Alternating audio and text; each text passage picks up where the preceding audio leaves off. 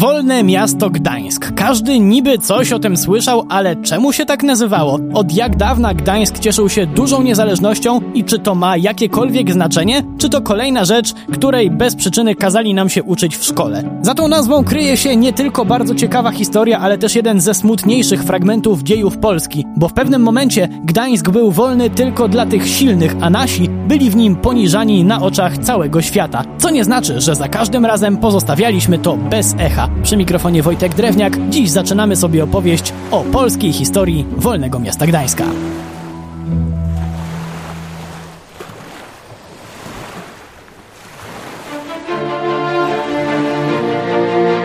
Formalnie wolne miasto Gdańsk powstało w wyniku traktatu wersalskiego kończącego I wojnę światową. Nie możemy sobie jednak przeskoczyć od razu do tego momentu, bo autonomia tego miasta sięga długich wieków wstecz. W czasach staropolskich Gdańsk był bogaty bardzo bogaty, bo zgarniał gigantyczną kasę za pośrednictwo w handlu zbożem między Polską i między innymi Anglią czy Holandią. Przez lata potrafił też pilnować swoich interesów i nie dopuszczał do istnienia konkurencji, a autonomia wciąż rosła. Gdańsk stawał się państwem w państwie, jednak czasy obłędnego dobrobytu skończyły się dla Gdańska razem z nadejściem Napoleona. Wystarczyło kilka lat pod zwierzchnictwem Francji, żeby miasto znalazło się na granicy ruiny, chociaż z drugiej strony to samo można powiedzieć o karierze Napoleona na wschodzie.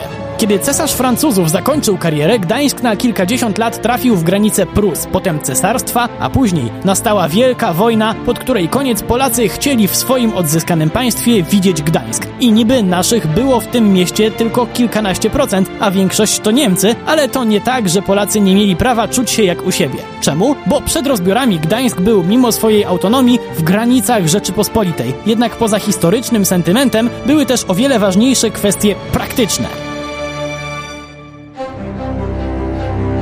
Odrodzona Polska nie miała żadnego innego miasta portowego. Gdybyśmy utracili Gdańsk, to zanim powstałoby kolejne, to odrodzone państwo bardzo straciłoby gospodarczo, nie mogąc prowadzić handlu morskiego. Gdańsk był potrzebny nie tylko historycznie, ale wtedy głównie finansowo.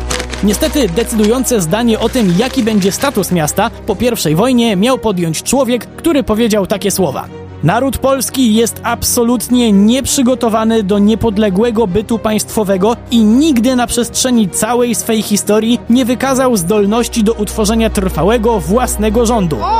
Czy to Hitler? A gdzie tam? On pod koniec I wojny jeszcze nic nie miał do gadania. Autorem tych słów był brytyjski premier Lloyd George, który nie dość, że Polaków zwyczajnie nie szanował, to był fanem polityki równowagi sił. Na czym to polegało? Ano na tym, że nie może być na świecie zbyt potężnego państwa to też może i Niemcy się niemiło zachowały w czasie I wojny, ale nie wolno ich za karę zalewać betonem, bo wtedy wzrośnie znaczenie, a jakże, Francji, a tego Anglia nie chciała. To też, żeby Niemców szybko po wojnie postawić na nogi, Lloyd George chciał, żeby to oni dostali Gdańsk. Czy ktokolwiek wspierał w tej sprawie Polaków? Oczywiście, że Francja. W końcu uznano, że Gdańsk będzie wolnym miastem, co w zasadzie jest dość śmieszne, bo absolutnie nie oznaczało wolności, a podział między dwa państwa, Niemcy i Polskę. Państwa te miały podpisać nową konstytucję, której przestrzeganie miała gwarantować Liga Narodów, czyli taki ONZ tamtych czasów. Groźnie brzmiący twór, co to jednak nie za wiele koniec końców może. W każdym razie w nowej konstytucji podpisanej przez naszą stronę 18 listopada 1920 roku ustalono, że Gdańsk będzie częścią polskiej strefy celnej, więc teoretycznie to my będziemy na nim zarabiać. Poza tym mieliśmy mieć w Gdańsku pocztę, kolej, telekomunikacje, służby, niby wszystko fajnie, ale niestety praktyka miała wyglądać zupełnie inaczej.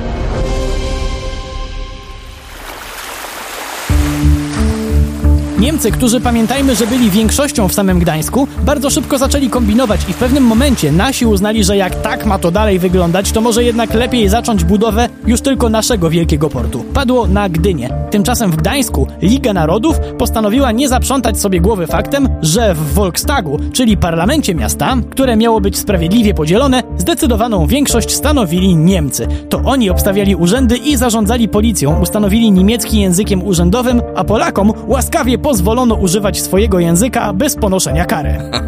Polityka długodystansowa była jasna. Najpierw zbliżenie gospodarcze z Niemcami, a później wesołe pojednanie. Jednak Polacy nie planowali jeszcze składać broni. Też mieliśmy swojego reprezentanta w Gdańsku. No i co tu dużo mówić, mieliśmy dość dużo do stracenia. Przepychanki i prowokacje o Gdańsk zaczęły się bardzo szybko, a ogromną rolę odegrała w nich nasza poczta. Ale o tym opowiem już w naszym kolejnym spotkaniu. Przy mikrofonie był Wojtek Drewniak. Do usłyszenia.